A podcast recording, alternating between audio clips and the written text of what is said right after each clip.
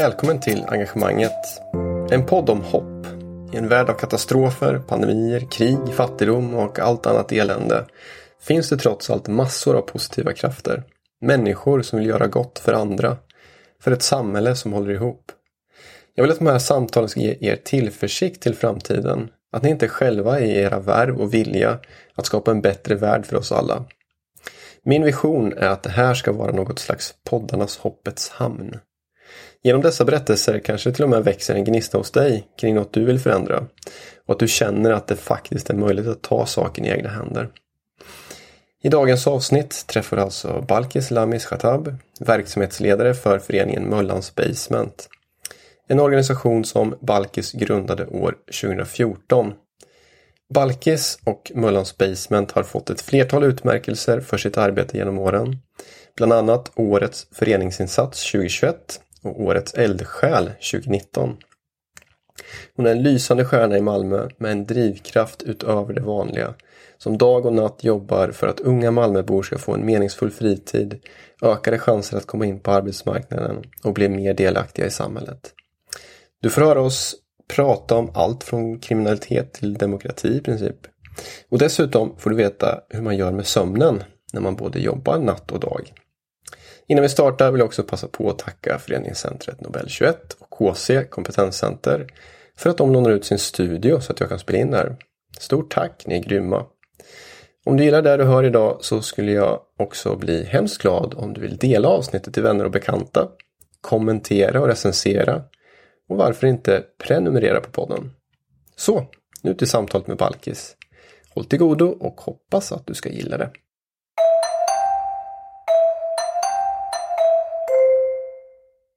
Då kör vi. Ja. Välkommen hit Balkis. Tack så mycket. Väldigt kul att eh, se dig här. Det var ett tag sedan vi sågs. Kom jag på när jag öppnade dörren här till dig förut. Mm. Men jag hör ju om dig och eh, eh, om eh, föreningen Möllans Basement också titt som tätt ju. Såklart. Jag tänker så här Balkis, om vi bara går tillbaka till 2014 när Möllans Basement grundades, eller när du grundade Möllans Basement, så är jag nyfiken på vad det var som fick dig att ta det steget att grunda organisationen. Hur skulle du beskriva det idag? Eh, just nu är jag jättestolt för att jag har grundat den. Eh, jag var väldigt osäker 2014. Eh, men det gjorde ju... Det var ju faktiskt inte bara jag själv som grundade den. Nej, vem var det mer då? Nej, det var ungdomarna. Brukar jag säga. Ja, okej. Okay. Berätta I mer. området. Det var ju så att eh, jag jobbade som handledare för några ungdomar för sommaren 2014 och då pratade jag väldigt mycket med ungdomar och de berättade ju hur situationen ser ut på Möllan. Mm -hmm. Um, att de inte hade någonstans att vara på kvällarna. Uh, de hängde mycket i trappuppgångar, um, kiosker. Um, ja. Och då bestämde vi oss tillsammans att starta en organisation. Men vi visste ju inte riktigt vad det skulle vara och vad den skulle heta. Eh, eller vad det var för organisation. Eh, men det skulle vara någonting där unga kunde hänga på kvällarna. Och det var ju unga som inte var liksom... Det var lång, de var långt från arbetsmarknaden. Eh, de hade inte så mycket koll på hur Malmö funkar helt enkelt. Med mm. skyldigheter, rättigheter i samhället. De sov på dagen, var uppe på nätterna, förvirrade. Så vi startade ju den tillsammans brukar jag säga. Det var jag som hjälpte till. Mm. Du kanske sa det Balkis, men vad hade du för jobb då? Vad var det som gjorde att du kom i kontakt med eh, de här ungdomarna från början? Um, ett sommarjobb som handledare för dem. Uh, I, en, I fastighetsbranschen, om man ska säga så. Jaha, okay. yeah. Så att jag jobbar ju där uh, under tre månader. Juni, juli, augusti som handledare för sommarjobbare. Okej. Okay. Mm. På Möllevången då? Ja, på Möllevången. Mm. Som jag själv bodde i då, under den tiden. Eh, så jag jobbade i mitt eget bostadsområde. Mm. Så jag kände till det ju. Ehm, kände till också de här ungdomarna sen innan. Mm. De var inte mycket yngre än mig då. Nej, just det. Jag vet inte hur gammal jag var. Mm. nu ska man säga 2014. Runt 20, drygt 20 eller? Ja, runt 20, ja, kan jag ha varit. Och de var ju 16, 17. Um, och det var ju liksom också grannar och unga som jag har känt innan och föräldrar till dem som jag har känt innan. Så jag förstår ungefär hur deras situation var.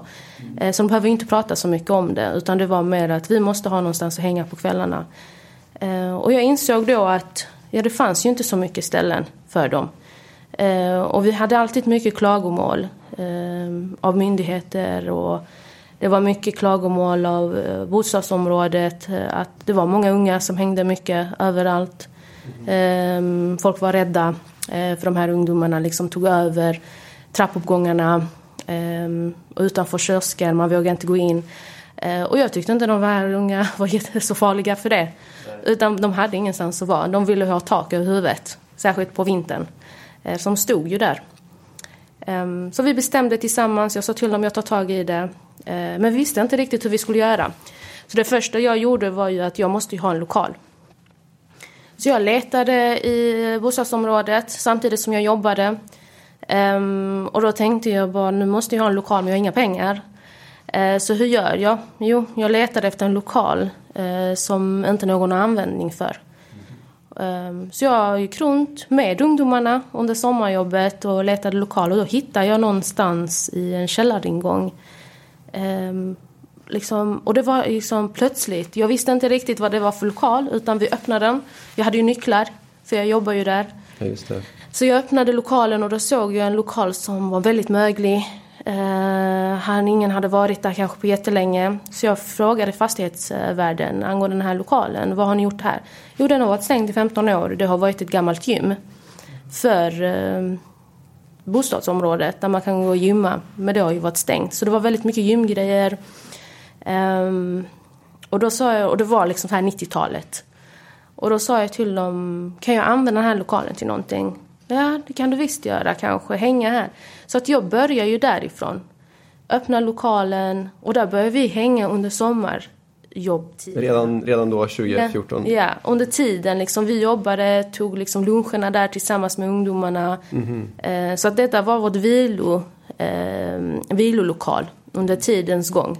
Eh, vi åt lunch tillsammans, vi började spela spel under dagtid. Och då frågade jag fastighetsvärden, vad kan man göra mer? Eh, och då sa de så här, ja, alltså det finns ingen lokalhyra på den här lokalen. Eh, det är en källaringång och det är till fastigheten. Och då sa jag till dem, ja men skulle jag kunna använda den till någonting? Ja men absolut. Så det gick. Så att jag och ungdomarna, jag satte ihop dem i en grupp. Vi satt tillsammans. Vi pratade ihop oss. Uh, och jag kommer ihåg att jag sa direkt att det skulle heta Mellans Basement. Just för det är en källare, som Möllan. Det var jätteenkelt. Jag skulle inte så långsökt. så långsökt. Men jag tänkte också, jag är en långsiktig människa, har alltid varit det. Så jag tänkte så här, okej okay, Möllans Basement, då är jag fast. För det är Möllan. Så om detta kommer bli ja, större så vet jag inte. Vad gör, vad gör ni då? Ja, och jag visste ju inte att det skulle bli så stort. Jag tänkte, ja, ett häng för ungdomar på natten. Eh, vad behöver ungdomar? Vi skrev ner vad ungdomarna behöver. Det var ju CV-skrivning. Eh, de behöver komma in i arbetsmarknaden. Eh, nätverkande. Eh, och helt enkelt någonstans att vara på nätterna. Eh, men jag ville inte ha det som en fritidsverksamhet heller, fritidsgård. Och det kan man ju inte heller kalla det för det är mer kommunalt. Eh, så vi kallade det för socialt företagande. Mm. Gör ni det fortfarande? Nej. Vi, fick ju ändra det. vi fick ju ändra det under tidens gång. Det var ju... Um, vi, vi, socialt företag, det var ju väldigt svårt att... Jag kollade ju upp väldigt mycket om det och söka pengar ju senare. För vi mm. behövde ju pengar för verksamheten. Uh, och det var ju svårt att söka pengar som ett socialt företag uh, just då, där och då. Eller så visste inte jag riktigt hur man skulle göra det utan jag tänkte mer, hur söker man pengar till organisationer? Och det var ju förening. Det var ju föreningar, man liksom mycket föreningslivet, man kunde söka pengar från kommunen, fonder, stiftelser. Så jag, jag researchade väldigt mycket och jag gjorde det väldigt ensamt. Ungdomarna hade ju inte koll på någonting utan de ville bara hänga. Mm -hmm. Och då tänkte jag så här, ja de vill ha Playstation, ja, och hur ska jag finna det liksom? Uh, och då sa jag liksom, gick jag runt till mitt nätverk och sa men nu vill jag starta förening. Och jag har ju gjort det en gång innan och hjälpt till liksom och varit med och startat en annan förening. Så det var ju ganska enkelt för mig att förstå hur detta skulle gå till. Så att jag tänkte, ja men då så, då gjorde jag det. Eh, startade en förening med mitt nätverk. Eh, det var jättemånga som hjälpte till. Eh, vi skulle ha en styrelse och det skulle gå snabbt. Så jag hade väldigt, väldigt bråttom. Samtidigt som jag gjorde allt annat runt omkring. Eh, men, men, under den tiden så var det väldigt kul också för att eh, vi fick ju en liten pott av fastigheten vi eh, tog lokalen ifrån. Men det för mig in på den här frågan kring, som du är inne på, vad Möllans Basement är för slags organisation. Mm. Eh, och som du kanske själv slet i tår med i början då. Mm. Så för mig så ser det ut som en hybridorganisation. Mm. Alltså att ni gör massor olika saker. Du sa själv att det inte bara är en fritidsgård till exempel. Mm. Men eh, jag tror att många har svårt att placera in mm. Eh, Möllans Basement på grund av det. Känner du igen dig i den här bilden eller hur skulle du själv, om du får, får liksom eh, pitcha Möllans Basement kort, vad säger du då? Um, 2014 till 2018, 19 så brukade jag pitcha den som den roliga arbetsförmedlingen. det var ju det. Alla var hon har öppnat en arbetsförmedling på natten. Och det var ju det. Eh, hade yeah. jag pitchat det idag så hade jag sagt eh, en ungdomsorganisation som hjälper unga att komma in i arbetsmarknaden för mångfalden i staden och minska kriminaliteten och öka tryggheten. Mm. Jag hör att du har gjort det här förut. ja. Mm. slipad. Man måste ändra pitchen. Så mycket som vi liksom för in i verksamheten så måste pitchen ändras. Ja. Sen undrar du, eh, om det är några kvar från eh, när ni grundade? Några fler än du själv så att säga? Några av de här ungdomarna du jobbar med från början? Mm, faktiskt. Ja. Vad gör de nu då? Är de blivit in, går de in som ledare eller de, hur, hur ser det ut? Alltså jag, jag är faktiskt eh, jättestolt och chockad samtidigt att unga eh, inte släpper taget. För att jag har sagt det flera gånger, men gå nu vidare och lite så här. Men på något sätt hur mycket än de har gått vidare med arbete eh, och sysselsättning så är de kvar i Mellands Basement. För de får alltid någonting, för det är ett nätverk som hjälper dem vidare hur mycket än de behöver i livet. Man behöver det här nätverket tills liksom, man blir 65, tycker mm. jag. Mm. Det här nätverket vi har. Så det är faktiskt unga. Eh, de, eh, jag har några stycken som började med mig sen de var, de var ju faktiskt 12, 13 när de kom. De är 20 nu då ungefär? Ja, de är 20, 21. Uh, jag har till och med en kille som är 23 som mm. jag är mm. jättestolt över. Mm. Uh, och träffar honom liksom sen början av Mellands Basement. Han var ledare, han blev ledare sen. Uh, fick arbete och nu är han med i också vårt mentorskapsprogram som vi har. Som vi kan prata om lite senare mm. kanske. Nej, vi kan gå in på lite sådana saker som ni sysslar med när ni när ni är på Möllans Basement? För jag vet ju att det är många olika saker. Mm. Mentorskapsprogrammet till exempel. Mm. Ganska nytt va? Det är väldigt nytt. Så vad är det för någonting? Vi startade i år. Eh, vi startade med eh, Tillväxt Malmö som ligger här i Malmö mm. som har ett stort nätverk när det gäller företag. Med hjälp av Uppstart Malmö då. Och där hjälper vi unga att hitta en mentor. Mm. Alltså en adept med en mentor. Och det är 20 unga och 20 mentorer, så vi är 40 totalt. Eh, där de träffas en gång per... Ja, de får ju träffas egentligen hur mycket, många gånger de vill. Handlar det om arbete då eller är det något eh, annat Det handlar om vägledning. I eh, livet? Eller? I livet. Men samtidigt är ju mentorerna från näringslivet okay. för det mesta. Vi har några stycken från kommunen. Mm. Vi har någon från Polismyndigheten också. Så det är väldigt olika människor som är med som mentorer. Eh, och vi har matchat dem genom att vi har intervjuat eh, både mentorer och adepter och sett liksom vad behövs, vad behöver, egentligen vi har gått efter adepten, vad behöver de, eh, mm. varje adept. Och några behöver jobb, några behöver sysselsättning bara allmänt. Någon behöver vakna på morgonen kanske och gå och plugga. så det är olika. Och de här adepterna de är ju mellan 18 och 23, 22, 23. Eh, de är i ett mellanting där de har tagit kanske studenten, vet inte riktigt, ska de jobba eller plugga vidare, ska de ta ett sabbatsår? Ehm, de är där liksom. Och det är den förvirringen vi jobbar med väldigt mycket, det är de ungdomarna vi riktar oss väldigt mycket åt. Eh, och sen träffas vi varannan månad, eh, alla 40. Och så gör vi gemensamma aktiviteter där ungdomarna får träffa också Eh, de andra mentorerna. Och de mentorerna får träffa de andra adepterna. Så det kan också bli en annan match, liksom att de hjälps åt. Eh, så att man behöver inte, om man till exempel gillar jättemycket bilar som adept, så behöver man ju liksom, jag har ju inte matchat exakt med en person som vill jobba i en bilfirma. Utan det kan vara också en person som har det nätverket eller kan hjälpa dem vidare till det de vill. Eh, så det är väldigt olikt.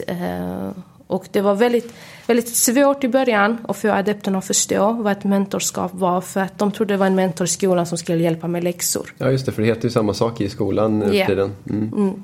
Så, och det, sen var det samtidigt också här, hur ska vi ändra på namnet? Och eh, det bästa var nog att jag skulle bara förklara till dem vad det är för någonting.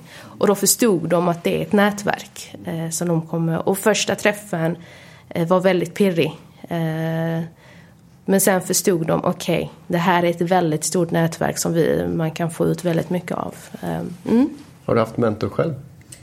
Jag har haft några stycken faktiskt. Några stycken till och med? Mm. Ja, faktiskt. Men jag har aldrig vetat att det heter just mentor. Du har haft någon person som har kunnat guida yeah. och ge råd? Absolut. Jag har haft faktiskt en som har hetat mentor. Ehm, då gick jag på eh, den här Ung ledarskap på eh, det här Kungens i Stockholm. Jag hade liksom en utbildning eh, där jag gick ett år faktiskt. Mm. Och då skulle man också ha en mentor. Så det var nog den första liksom så här mentorn. Men jag har aldrig haft en mentor i skolan.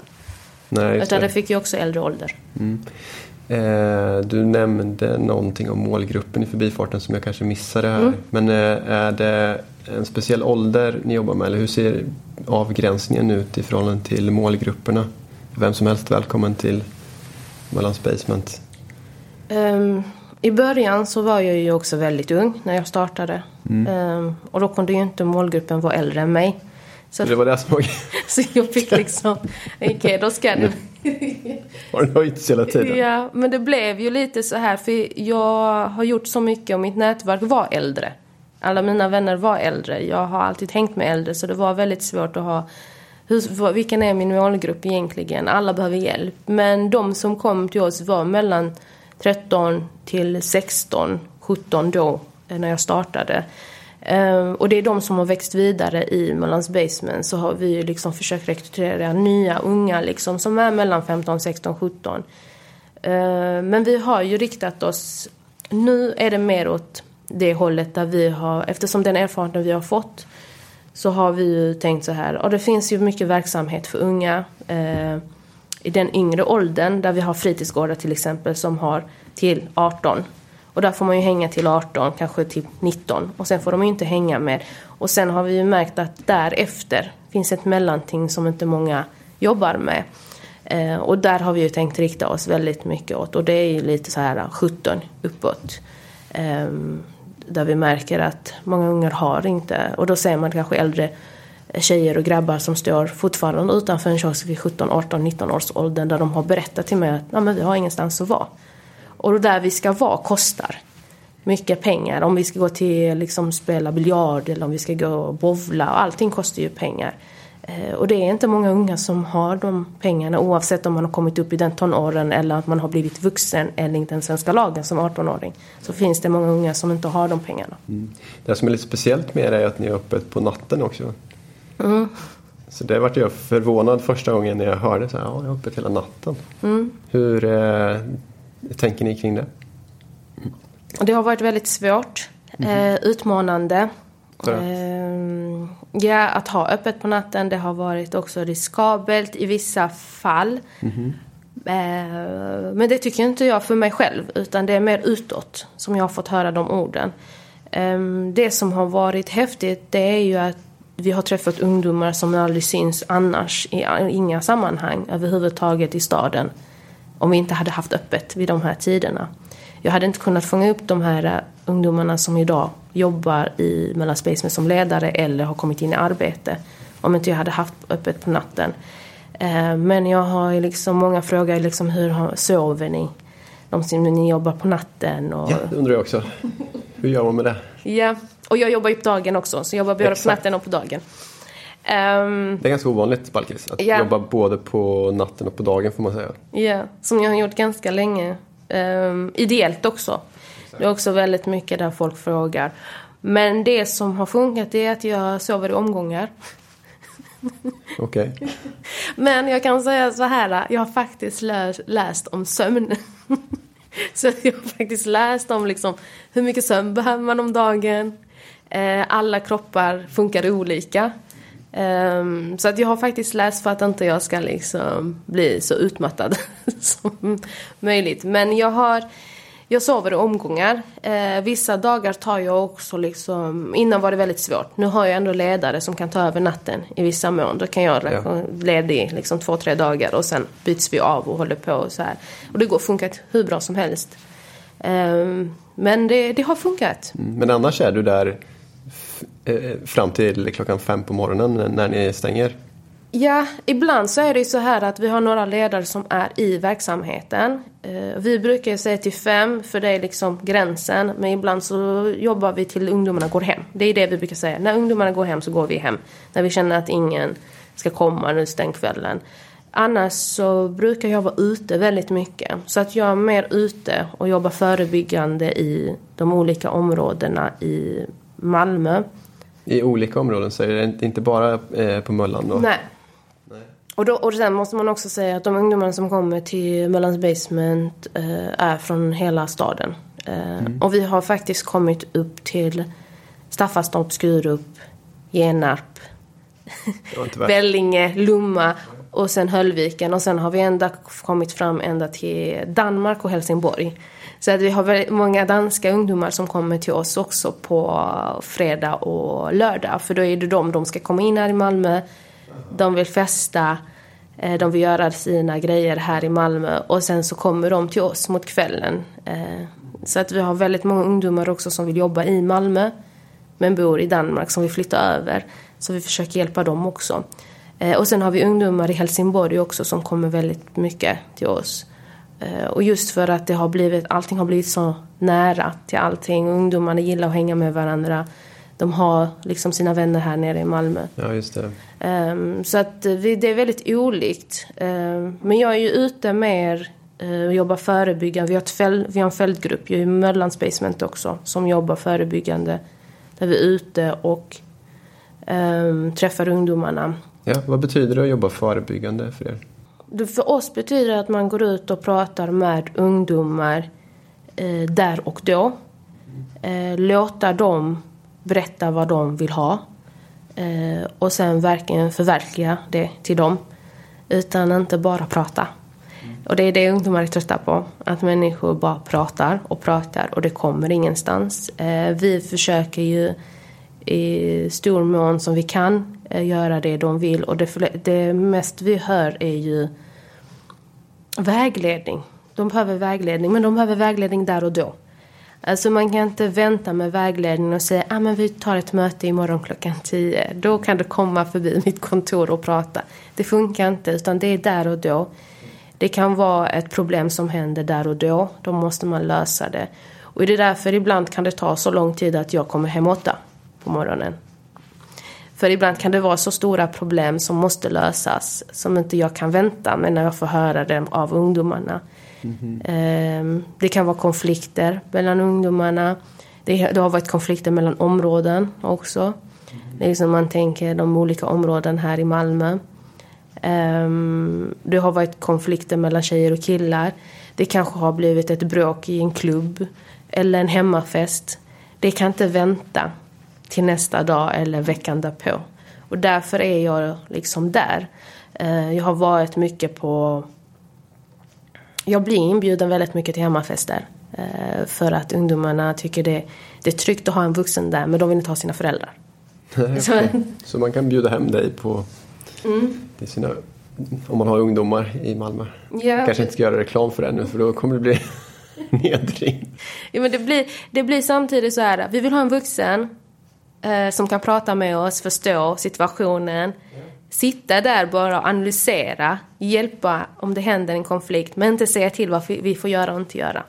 Lite så. Så du har ändå det förtroendet eh, från dem? Ja. Du är ju gott och väl vuxen liksom. Ändå. Ja, det tycker jag. Ja. Ändå om folk ser mig som lite yngre än vad min ålder är. Men jag är ändå liksom och haft den vuxna perspektivet ganska länge där jag kan se en konflikt innan den händer. Så försöker ordna det. Eh, Jag är med liksom, sitter med dem, om det är en hemmafest, sitta med dem ute på trädgården, prata med dem, se. Jag märker direkt om det skulle hända en konflikt, att lösa det på plats. eh, Så att det inte exploderar. Ja. Ni har ändå valt, eh, eller ni valde ändå att starta upp på eh, Möllan i Malmö. För den som lyssnar som inte känner till det här geografiska området i Malmö, vad, hur skulle du beskriva det? Eh, kärnan i Malmö, brukar jag säga. Mitten av allting. Um, all kollektiv trafik kommer dit. så att ungdomar kan röra sig till oss. Eh, kultur. Både kultur och kulturkrock. Två olika grejer brukar jag säga. Eh, bostadstäthet, mycket ungdomar. Unga vuxna som bor. Um, öppet 24-7 brukar jag säga. Kult- mat. Ma, ma, Mat brukar jag säga. Mycket mat. Mycket god mat. ja. Mycket god mat från olika kulturer. Men samtidigt också, om man läser historien om Möllan så har det varit öppen knarkförsäljning väldigt länge. Eh, som man inte kunnat ha liksom, riktigt tag i. Eh, för det är ju öppet, alla kan komma dit. Eh, mycket täthet med cyklar och bilar samtidigt. om man ska säga så. Eh, barer, klubbar. Ehm, jag tror eh, det är en av de platserna som har öppet väldigt länge, om man ska säga så, eh, på fredag lördag efter då Lilla Torg, Stortorget, Gustav, så är det ju Möllan man går till. Det är ett urbant eh, område. Ja, Jag, jag skulle vilja komma till en grej, eh, Balke, som jag undrar över. Jag, jag är ju uppvuxen i en tätort i Östergötland. Ett väldigt, en väldigt trygg plats på många olika sätt. Så det fanns ju inte något motsvarande Möllevången direkt där jag växte upp. Eh, och för mig så här som Ja, där jag kommer ifrån så, så känns det, där du beskriver, så jag var ute hela natten på Möllan. Liksom. Det känns lite farligt för mig fortfarande. Även om jag har bott i Malmö i 16 år nu så kan jag inte riktigt vänja mig vid storstadens eh, logik på något sätt. Så. Och jag undrar om du aldrig är rädd? jag, jag, det, det där, jag har ju bott i Möllan hela mitt liv. Jag vet hur, hur Möllan är uppbyggd. Jag kan alla källaringångar till och med. Det är många som säger, men känner du verkligen till Möllan? Jag bara, jag kan varenda källaringång här i Möllan. Och du känner de flesta Jag känner de flesta. Eh, Men samtidigt så under min unga ålder så gick jag på Damfriskolan. Så jag gick ju på andra hållet stan. Eh, eh, Och hängde mycket i miljonprogrammet då, Bellevue, Kroksbäck, Holma. Eh, Eh, så där känner jag väldigt till och hängde mycket ute i Rosengård och så. Så att jag hängde ju inte riktigt i Möllan dag in och dag ut. Utan det var mer att jag bodde där. Men eh, jag gick väldigt mycket när jag var ung. Från, jag kunde gå från Holma ända ner till Möllan. Eh, och samtidigt brukar jag säga så, jag fick ju ett av mina första arbete på Möllan som ung. 17-18-åring på Sibylla ju. Mitt i torget. Jaha, på den ja. Mm. Ja, på den, den som alla känner till, som aldrig stänger. Eh, och jag ville ju ha just det jobbet. Det var ju inte så att jag bara sökte random till olika branscher och liksom restauranger och så fick jag Sibylla. Utan jag gick dit och jag bara, här ska jag jobba. Och då kommer jag ihåg att min chef bara, okej, varför just här? Och jag bara, jag vill jobba här och jag vill jobba på natten. Eh, vad svarar du när han frågar varför? Eller hen frågar varför? Ehm, då sa jag att jag känner till området och jag känner till människor som hänger här. Eh, Och jag kan nog göra det väldigt tryggt. Eh, med liksom min aura. Eh, och hur jag liksom serverar maten. För det var ju det jag ville. Jag ville lära känna Möllan ännu mer. Det var ju innan jag startade Möllans Basement. Eh, utan jag, ville, jag kände ju till väldigt många människor i staden. Eh, och jag har ju jobbat väldigt mycket med människor innan jag startade Möllans Basement. Och jag ville ju liksom trygga området i Möllan sedan långt tillbaka. Så det jag gjorde var faktiskt att jag jobbade natt på Sibylla. Eh, och jag var aldrig rädd. Ändå om det kunde komma eh, fulla eh, människor efter klubben. Och jag visste när alla klubbar skulle stänga och jag visste när alla barer skulle stänga. Jag visste när liksom, det kunde ha skett någonting. Eh, och det hände väldigt många grejer eh, med folk där. Och jag kommer ihåg att jag blev mer eh, eh restaurangbiträde, jag blev mer en psykolog på jobbet. för att varje gång någon mådde dåligt så kom de in till Sibylla. Det är mycket så, för vi är öppet hela tiden. Eh, så någon som behövde gå på toa, någon som behövde vatten, någon som liksom väntade på bussen, det var kallt. Eh, det var massa grejer som hände på natten. Folk som bråkade, skulle ta skydd där. Så det var väldigt mycket sånt. Det var liksom en actionfilm på natten. Um, så det var ju det jag eh, jobbade mer för. För att därför ville jag jobba på Sibylla. Mm. Eh, jag tog chansen. Uh, och jag tyckte det var jättehäftigt. Och jag var aldrig rädd. Jag har aldrig varit uh, rädd. För att jag har alltid sagt, allting löser sig eh, till slut. Eh, men bara man vet hur man konflikthanterar. Och det var det jag ville lära själv mig själv och jag ville lära andra att konflikthantera olika grejer. Just det, då fick du gå i Sibylla-skolan där. Ja. Och träna konflikthantering. Ja, konflikthantering. Och jag älskade ju mitt jobb. Eh, och det var alla bara, men vad ska du göra där? Och på natten och sen skulle du upp och jobba någon annanstans. För jag jobbar ju överallt samtidigt. Så jag jobbar ju fortfarande dag och natt. Jag har jobbat dag och natt sedan jag var 15-16 år. Så jag har varit van vid den här liksom, att man ska jobba dag och natt. Eh, så att jag jobbar på natten och sen berättar jag vad som händer på natten till de som jobbar på dagen. För att förklara liksom hur Malmö funkar egentligen. Och sätta ihop det som en röd tråd. Eh, men jag har aldrig varit rädd. Faktiskt. Eh, jag har varit med i många, många liksom, konflikter där jag har fått hantera väldigt svåra grejer. Men mm. det har gått. Men hur orkar du egentligen jobba både dag och natt? Det, det fattar inte jag riktigt, Balkis. Jag, jag, vet inte, jag vet inte om det är mänskligt. Folk vill säga, är det mänskligt? Jag vet inte, men min kropp, eh, så länge min kropp orkar så orkar ju jag. Eh, sen är jag väldigt bra på att hantera stress. Det har jag också fått höra. Och jag, jag ser det på dig nästan. Ja. det var, folk kan ibland titta på mig och bara, har du mycket? Jag bara, du vet hur mycket jag har egentligen? Men nu är det ju liksom fokusering på detta. Så ta en sak i taget. Det har jag lärt mig. Hantera stress, ha tålamod. Jag har väldigt långt tålamod. Alltså du kan liksom, ibland brukar man säga dra tålamodet på mig liksom. Det, jag kan eh, dra hur länge som helst. Ibland kan jag ju prata med en människa liksom fem, sex timmar för att övertyga personen att den ska gå och jobba. Jag ger inte upp. Det är ju som min grej. Och när jag har gjort någonting bra under natten, där jag har fått kanske en ungdom och verkligen förstå att ah, men det här var inte bra, nu ska jag gå och jobba eller försöka hjälpa dem med en kontakt. Då vet jag att min dag, verksamhet, då när jag går och jobbar, då är jag jätteglad. Eh, och går runt liksom som ingenting har hänt på kvällen. Ja, så du har det, fått det någonting min... tillbaka på något ja, sätt? så att jag har fått någonting tillbaka som ger mig ännu mer energi att jobba på dagen. Och så när jag händer någonting på dagen som är väldigt fantastiskt så har jag mer energi att jobba på kvällen. Så jag håller på med mina dagar så här. Mm. Mm. Men äh, har det också funnits tillfällen där du har blivit uppgiven? Alltså att du inte har kunnat lösa det, det inte har löst sig? Mm. Alltså jag tänker så här att um, när det inte har löst sig så har det alltid handlat om mycket, mycket äldre människor. Okej. Okay. Mm. Men inte unga. Det har alltid löst sig när det gäller unga. Eh, men då snackar vi äldre människor, då snackar vi 30 plus. Mm. Eh, för jag hanterar ju också situationer för äldre män och kvinnor. Eh, som, det kan vara ju föräldrar, det kan vara allt möjligt också. Som i samband med de olika problemen som händer i stan. Så jag har fått gå in och ha en konflikthantering. Um, det är envisheten. Men jag tycker ändå jag har löst det med de unga. Det är ju det viktigaste, att de tar steget i deras framtid. Uh, men det finns ju många äldre som jag känner har, att vi har missat. Det är många som har kanske kommit in i kriminalitet som sedan 15-årsåldern och blivit kanske 30 plus. Och där är det väldigt svårt. Det blir svårare och svårare med åren. Ja.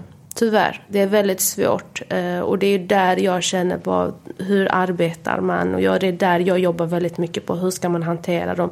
För det är ju de här äldre som kanske föder barn och sen ska också uppfostra och sen kanske det blir fel eller rekryterar unga. Alltså det är de också eller vi måste hantera. Och det går inte att säga att ah, nu måste du sluta. Mm. Det är mycket svårare än att säga det till en 15-åring och hjälpa. Eh, för då ser de kanske dig som en förebild, en äldre person.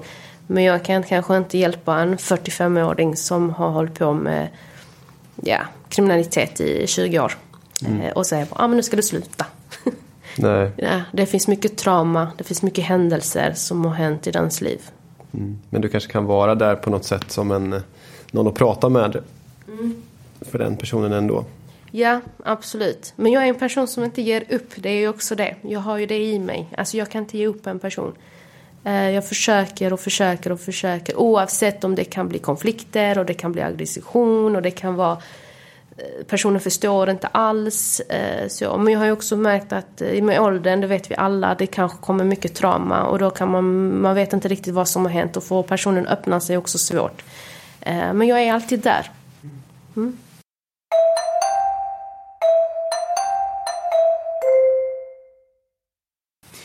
det här kanske blir ett snävt kast men jag vill ändå hinna med att prata om demokrati. Mm. För att vi är på hösten 2022 och vi har haft ett val ganska nyligen i Sverige. Mm. Och ni, eh, Möllands Basement har ju haft ett projekt eh, där man jobbat med att öka valdeltagandet i, speciellt i områden som har haft ett lågt valdeltagande. Mm. Så hur eh, skulle du beskriva det projektet? Vad är det ni har gjort eh, under hösten här? Eller i början, ja, mm. augusti. augusti. Uh, vi har faktiskt haft uh, två projekt. Två stycken, okej. Okay. Berätta. Vi har haft en med Demokratifonden. Mm -hmm. Som vi hade redan tidig vår.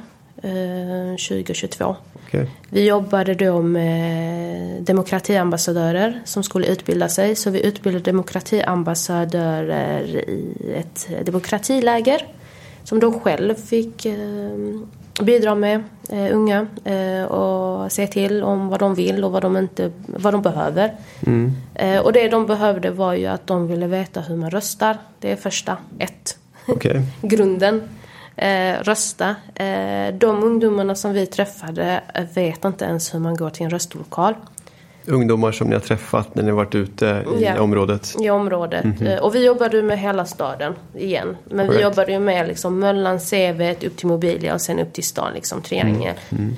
Mm. Men det var många ungdomar som också andra gångs eh, som ska egentligen rösta andra gången. Så det var inte bara första mm. eh, röst, vad säger man, första gångsröstarna. Yeah. Men det var ju väldigt svårt att tänka sig så här för att det första frågan jag gjorde då i vår var att jag samlade ihop alla ungdomarna, satte dem i lokalen och bara Vad behöver ni veta? Eh, nu är det valår. Och det första var att jag hade en en så här quiz med frågor angående Sverige. Jag ville veta vilken nivå ungdomarna var på. Och den första quizen var ju vem var statsminister? Eh, liksom så här, hur många partier har vi? Liksom väldigt enkelt basic. Mm. Och jag kan ju säga att 99 procent av ungdomarna visste inte vem vår statsminister var.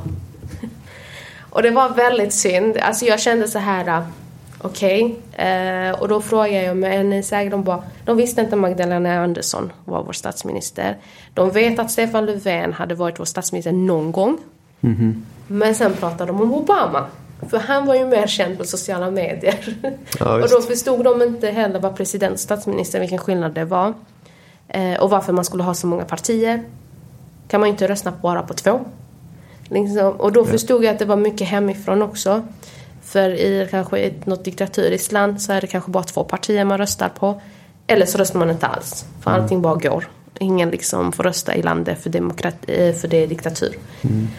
Um, så det var väldigt svårt. Så att jag fick börja ju väldigt uh, i grunden. Men då tänkte jag så här, uh, det var ju bra att vi gjorde det väldigt tidigt. För många tänker så här, men man jobbar liksom under valåret en månad innan. Men det, det funkar inte. Utan här måste man liksom jobba väldigt långt innan. Mm. Och nu har vi jobbat med andra. Och de här ungdomarna som fick hjälpa till uh, med den här demokratiutbildningen hade jag ju utbildat året innan. Så vi har jobbat med detta ganska många år innan eh, för att se till så att unga kunde gå och rösta till slut. Um, så att ja, vi jobbar ju med det. Eh, sen demokratiambassadörerna hade vi på läger och där kom några partier som ungdomarna, de hade ju gått ut och pratat med alla partier om att komma dit och det var några partier som kom och pratade om rösträttigheter och historien om Sverige och allt möjligt, skyldigheter och rättigheter. Där fick vi ju väldigt mycket, där fick ungdomarna med sig jättemycket. Eh, men fortfarande var det chockande för dem att varför är det så många partier? Vad är skillnaden med alla partier? De liknar varandra allihopa. Men... Ja, man kan förstå den kommentaren till viss del. Ja, och det var ju väldigt enkelt med vissa partier som hette någonting där man kunde liksom, ah okej okay, nu förstår jag, detta är liksom riktning åt det hållet, detta är det med.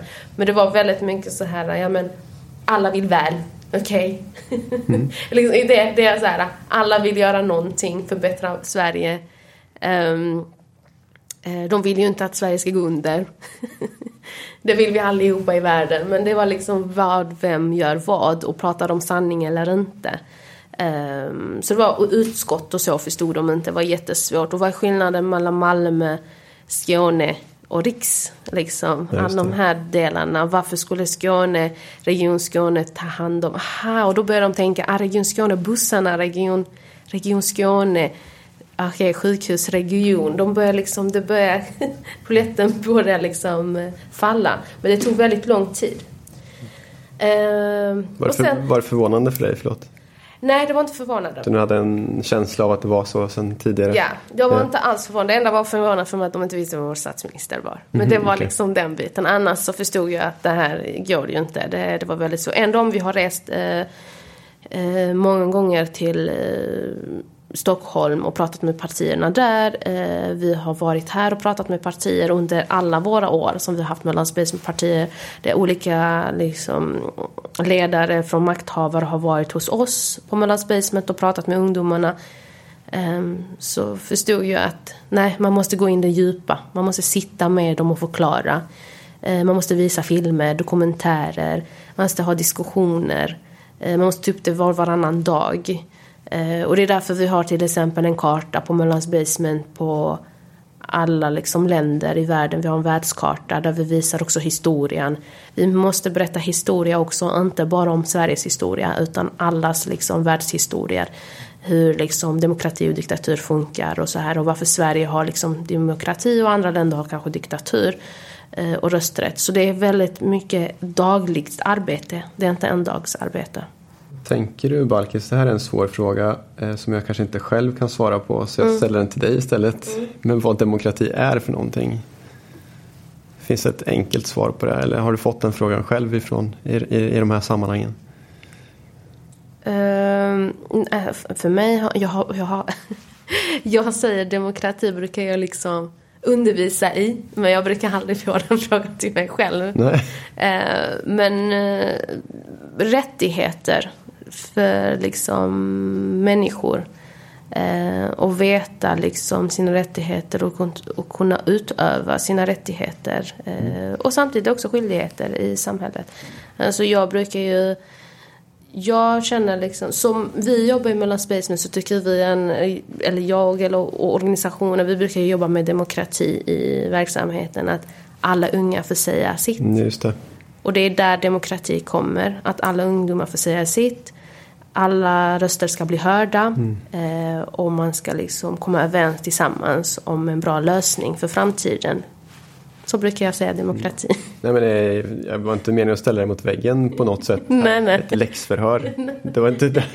Utan jag, jag, tycker bara den frågan är så pass viktig. Eh, inte bara att prata med ungdomar om, att prata oss vuxna emellan också. För det är få som reflekterar över vad demokrati är för mm. dem. Mm. Det finns så många olika svar på det. Mm. Och sen så för mig så är ju bara att gå till vallokalen en liten del av demokrati egentligen. Att mm. det är så mycket mer än att bara dyka upp och lägga sin röst på någonting. Klart. Tycker jag då. Ehm, men om man ser på just den delen, att rösta och gå till vallokalen. Vad, vad säger du till en person som inte förstår varför den ska mm. använda sin röst? Ungdomarna till sig själva brukar ju liksom tjafsa i dem för det var väldigt mycket med att ja, det var några ungdomar som inte ville rösta och de tyckte inte alls att det var lönt. Nej, varför? Vad var argumenten då? Argumenten var ingen, min röst kommer inte göra någon skillnad. Ja, just det. Mm. Mm. Ja, men då, och så säger de, och så var det så roligt för att de säger direkt svar på det också till mig. Mhm. De bara, ah, men nu kommer du svara på oss. Jo, men det är demokrati och alla ska rösta. och du vet, och de var liksom, ah, vi orkar inte med det snacket. Vi vet att alla måste rösta och hade det varit jag så kanske det är liksom tio andra som inte lägger sin röst. Nu är vi jättemånga som inte lägger vår röst och sen oj, oj, oj, oj, oj. De svarar ju på själva frågan. Det är så roligt att De ungdomarna vet svaret egentligen. de vet svaret egentligen. Ehm, det som jag insåg, som jag tror inte många uh, la märke till, varför det var så många ungdomar som inte röstade. Just de ungdomar som inte röstat innan och de som inte syns. Och liksom på dagtid som jag pratade om, de kvällskillarna och tjejerna som jag träffar. Det är ju för ett, eh, de vill inte synas de vill inte gå till en vallokal. Det var väldigt mycket, men då kan vi ju analysera andra grejer. Eh, för jag vet att det är många ungdomar som inte gillar att synas på film, foto. Det finns ju många ungdomar som tycker det är jättejobbigt. Ehm, och inte gillar sociala medier. Man tror att det är många ungdomar som gör det, men det finns en väldigt stor antal att ungdomar gillar inte det här att synas, höras. Eh, och då pratade jag med dem, det var det väldigt många ungdomar bara, jag vill inte gå till en röstlokal.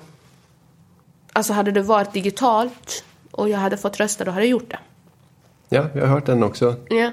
Men jag vill inte gå till röstlokalen. Ja, varför inte? Och då kommer jag analysera en annan grej som jag också kan ta upp varför de ungdomarna inte vill. Och det var till exempel bara att det är många ungdomar som kommer till mig och säger till mig att ja, men vi vill inte gå till ungdomsmottagningen.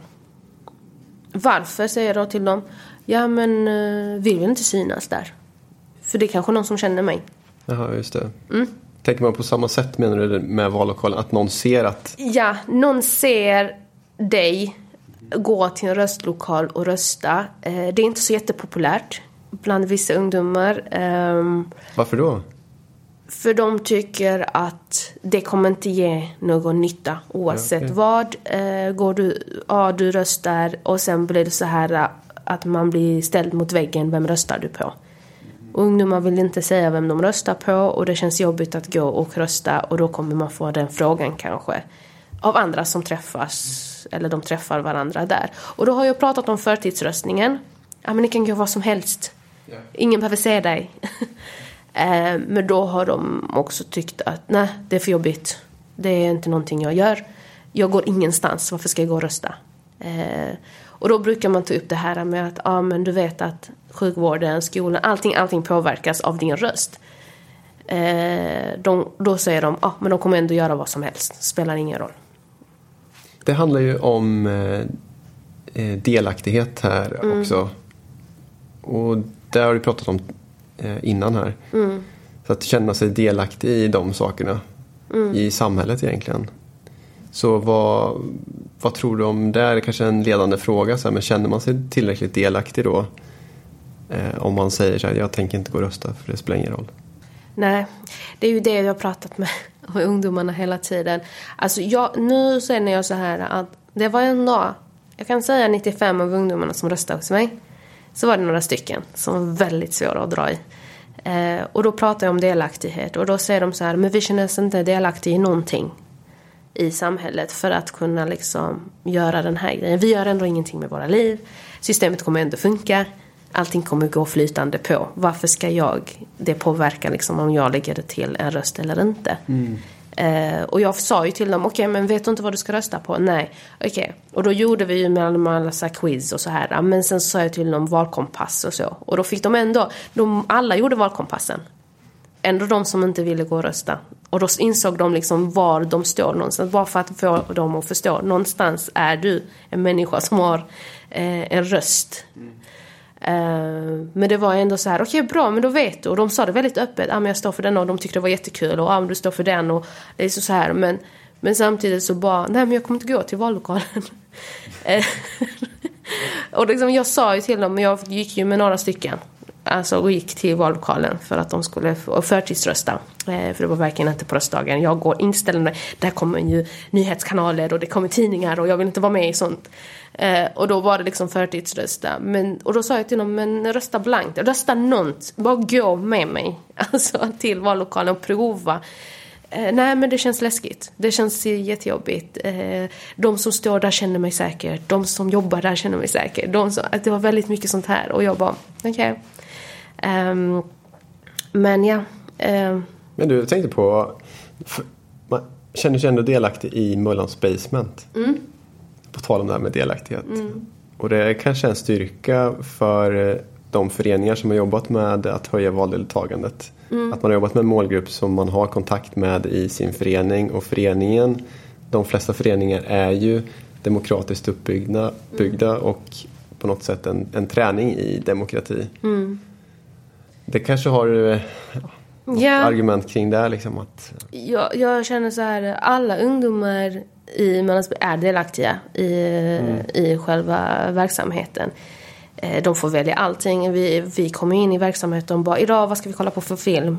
Man får liksom rösta på olika filmer, dokumentärer, vad vi ska göra, spela och så. Och alla har väldigt öppet så här att få öppna liksom skåp och ta upp ett spel och bara köra liksom på. Um, men så snabbt det handlar om utanför lokalen.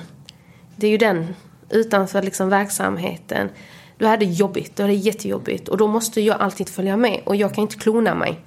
För det var det jag har sagt till ungdomarna. Jag kan inte klona mig. Jag kan inte gå på alla verksamhetsmöten och allt liksom ni ska gå på. Och, så här. och då brukar jag ju säga att jag är på telefon. Och det är därför jag har så många ungdomar på telefon hela tiden. Ibland ringer ungdomarna och säger sina namn och jag bara Åh gud, vem var det nu? Det är så många ungdomar som har liksom mig på sociala medier och telefonsamtal och så. Och då är ju det här med um, trygghet igen. Med tryggheten. Eh, och därför skapar vi ju mentorskapsprogrammet. Det är ju därifrån det kom också. Att de behöver någon hela tiden att prata med tills de kan släppa den här navelsträngen och klippa den. Vad tror du vi ska göra i nästkommande fyra år då för att höja valdeltagandet? För nu, även om vi, eh, ni gjorde massor bra arbete tillsammans med tiotal andra föreningar i Malmö så sjönk ju valdeltagandet. Mm. Det var ju lite nedslående får man ju ändå säga. Mm. Vad tänker du att vi behöver göra mer av i den perioden som kommer och vad kommer ni göra tror du?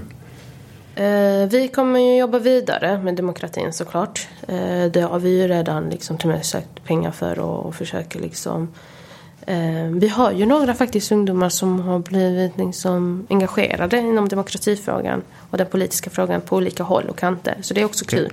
Så vi har ju några ungdomar som var intresserade så att vi har ju ändå plockat på oss några. Men det vi måste göra är, igen, nattearbetet. Okay. Alltså tyvärr, men om jag säger så här, det är om man, om man tittar på de ungdomarna som inte har röstat och då handlar det inte om verksamheten mellan Space utan allmänt när jag går ut och jobbar förebyggande. Och jag alltid, frågar alltid den frågan, har du röstat i valet i år? Och de man ser som säger nej, aldrig i mitt liv. Eh, det är ju faktiskt ungdomar jag träffar bara på natten. Som inte kommer gå på dagen och rösta. Och där måste vi ändra någonting i det sättet. Eh, och jag vet inte. Det är väldigt få. Eh, vi har en väldigt bra verksamhet. Vi har fältgruppen, vi har fältarbete som jobbar på natten. Ehm, men vi måste prata om demokratifrågan på natten också. Vi måste sitta som att vi jobbar på dagen mm. med ungdomarna. Det är tur att det är några som gillar att vara vakna på natten då sådana som du. Ja, det var ju lite tabu innan när jag pratade om natten. Alla bara, åh gud, natt. Det gör man inte. Det gör man bara på sjukvården. Jag var bara på natten där och polisen kan jobba på natten men inga andra. Ja.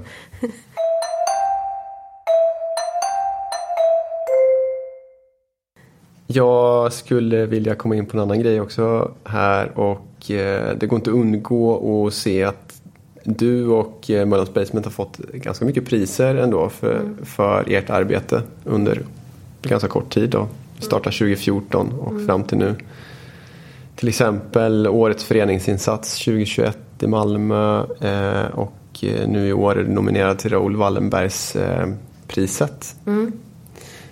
Vad betyder de här priserna för, för dig och för Möllans Basement? Jag tänker så här, årets föreningsinsats. Um, alltså jag, jag kommer ihåg när jag sa det till uh, de unga ledarna. Um, och jag kan säga att de var jättestolta. De fick ju själv ta emot priset mm. ju, på galan. Uh, och det tycker jag är väldigt häftigt. Uh, för att som sagt, vi är en ideell förening. vi har jobbat ideellt under alla dessa åren.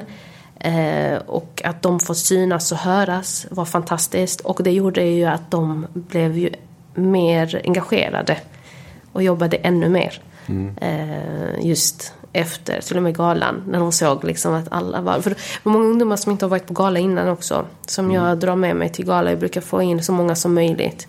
Eh, på olika galor. Och det var väldigt eh, skönt att se eh, hur stolta de var över sig själva och sitt arbete. Mm. Um, Raoul Wallenbergspriset, ja. Oh, wow, vilken eh, grej att vara nominerad till ja. ja, det var fantastiskt. Eh, jag var ju i Stockholm och blev intervjuad där. Det var mm. fantastiskt. Eh, väldigt stort. Väldigt stort för mig. Ehm, och vi har ju varit med i Raoul Wallenbergs institut väldigt länge. Där ungdomar har gått utbildningar där. Just det. Så att vi har ju liksom... Ungdomarna visste ju också till mig vad det var när eh, jag blev nominerad. Eh, men det, det, det, det gav mig ännu mer push. Och det tror jag juryn vet om också. Mm. Att jag var väldigt stolt över mig själv och det arbetet jag gör. Och det gör ju också, det visar också att mitt, vårt arbete på Möllans Basement har spridits över hela landet. Mm. Inte bara Möllan. Nej men det är viktigt med bekräftelse såklart, mm. annars så orkar man ju inte. Nej. Jag vet också att ni har en eh, rad samarbetspartners och sponsorer i privata näringslivet. Mm. Och det är väl tillbaka till det vi började med, den här hybridorganisationen kanske. Mm. Men, och det är lite ovanligt för en ideell förening att ha de nätverken kanske. Jag, jag tror det i alla fall. Mm. Så hur kommer det sig att ni jobbat så mycket med privata näringslivet? Um, för jag tror faktiskt att det är det som kommer ge mångfalden i staden. Okay. Det är det som kommer öka mångfalden i staden. Eh, vi har jobbat väldigt mycket inom med föreningslivet såklart och alla föreningar och det är jättekul att eh, samarbeta med föreningar. Och sen börjar vi mycket med organisationer. Sen har jag ju liksom sagt, jag har jobbat, jag börjat jobba som 13-åring i staden. Eh, började i restaurangbranschen och sen så har jag jobbat väldigt mycket i olika branscher och där har jag ju plockat på mig mina referenser. Mm. Och det är det som visar också till ungdomarna att när man plockar på sig referenser så kan man skapa ett nätverk och det kan hjälpa dig i framtiden. Och det är ju det det har gjort här och det är därför jag alltid går tillbaka och säger vi är absolut på papper en ideell förening men jag känner ändå att vi jobbar eh, mycket mot näringslivet eh, såklart civilsamhället, man är liksom så, men mycket åt företagande för det är det som har gett jobb till ungdomar. Mm. Eh, att vi har haft så många eh, ideella krafter i näringslivet som har kommit in och sponsrat. Eh, och det är faktiskt för att jag har knackat dörr väldigt mycket. Och alla mina jobb som jag har fått har jag nog varit mycket knacka dörr. Det kanske är ett tips till andra föreningar också, att våga vara lite otraditionell Mm. Och eh, knacka på hos näringslivet. Ja, och jag tror näringslivet vill hjälpa till. För jag tänker så här på mentorskap, vi har ju 40 olika eh, mentorer som kommer från olika företag, organisationer och skapat sina egna företag, kanske VD för ett företag. Eh, och det är kul att de vill så mycket. Men man måste ju gå dit och knacka på dörren för de, de kanske inte alltid hittar dig. Det är inte så att det står upp längst upp på Google och så googlar de på oh, föreningar i Malmö och sen vad kommer det upp på Google och så bara oh, här ska vi sponsra. Det är inte riktigt så det funkar. Och det är samma sak när jag säger till ungdomarna. Det är inte så det funkar att du sitter hemma och så kommer jobbet till dig. Utan du måste ut och knacka på massa dörrar. Eh, och det är det jag har gjort. Jag har eh, minglat och minglat och minglat och minglat eh, och nätverkat under mitt liv. Men jag har också varit en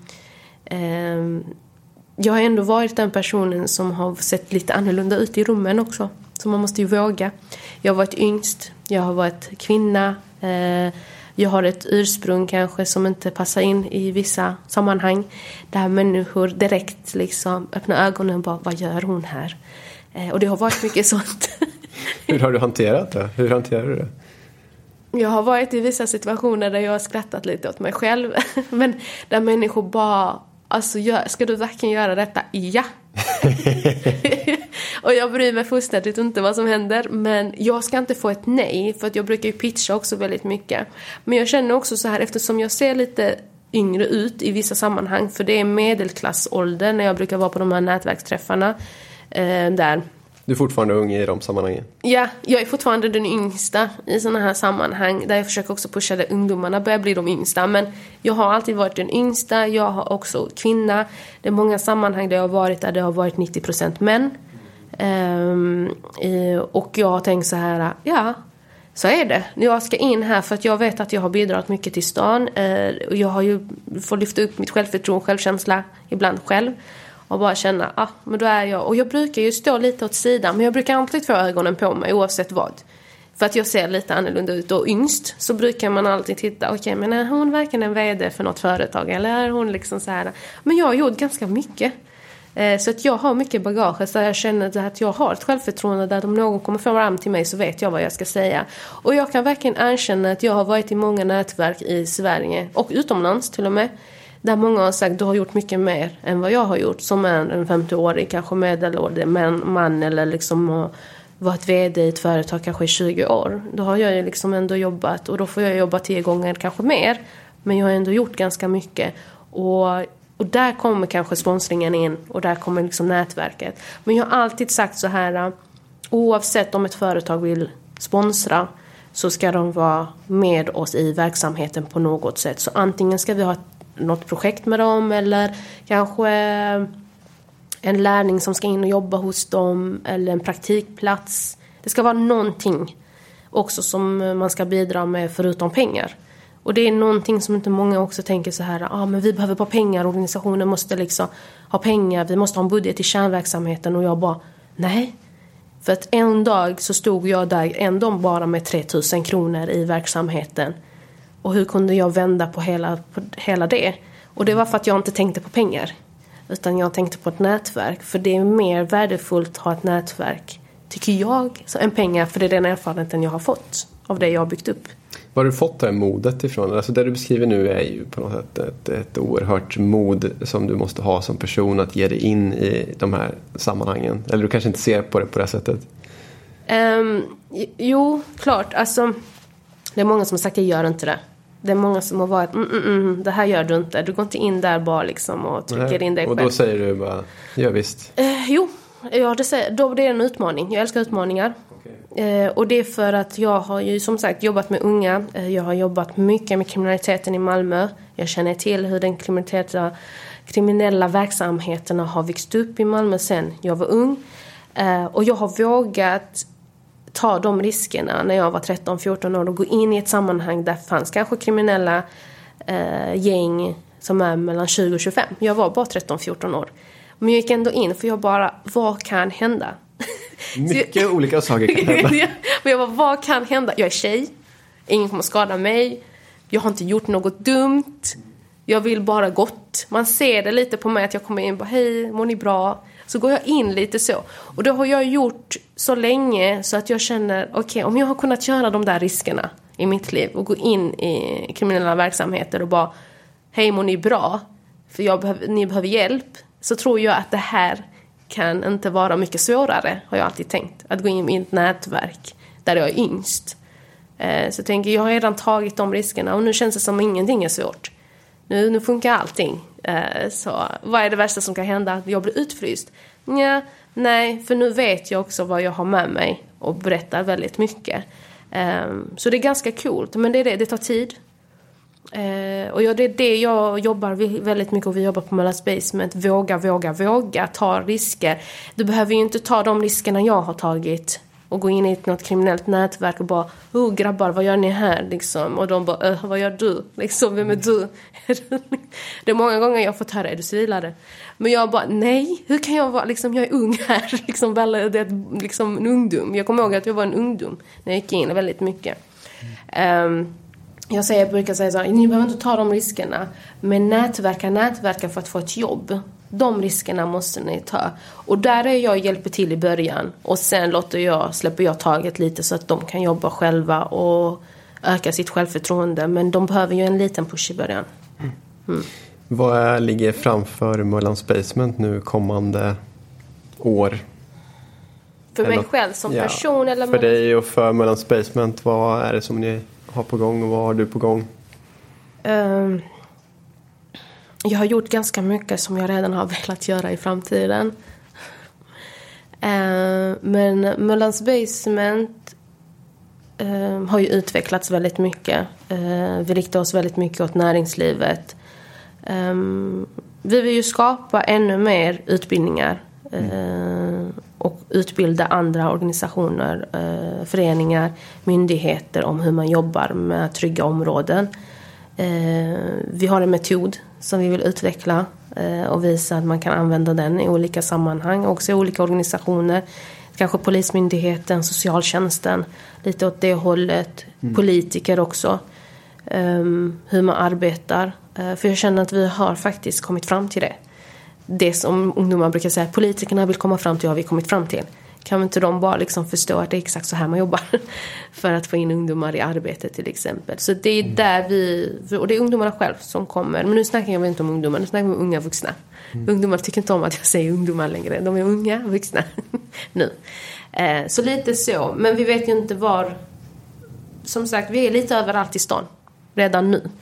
Um, så det är inte mycket att man pratar om lokal. Mm. Uh, så. Ja. Nej, men jag ser fram emot att se och höra mer om Möllans Basement här mm. kommande mm. tid. Mm. Känns som det bara finns eh, eh, bra saker att vänta. Yeah. Jag är hemskt glad eh, Balkis för att du ville ta dig tid och sitta och snacka med mig. Och det känns egentligen som att vi bara har skrapat lite grann på ytan här. Mm. Hoppas att du har eh, tyckt det varit okej. Okay. Ja, nej men absolut. Så uh, ser jag fram emot att uh, våra vägar korsas igen på alla möjliga olika sätt här mm. framåt. Absolut. Så tack för den här stunden. Tack själv.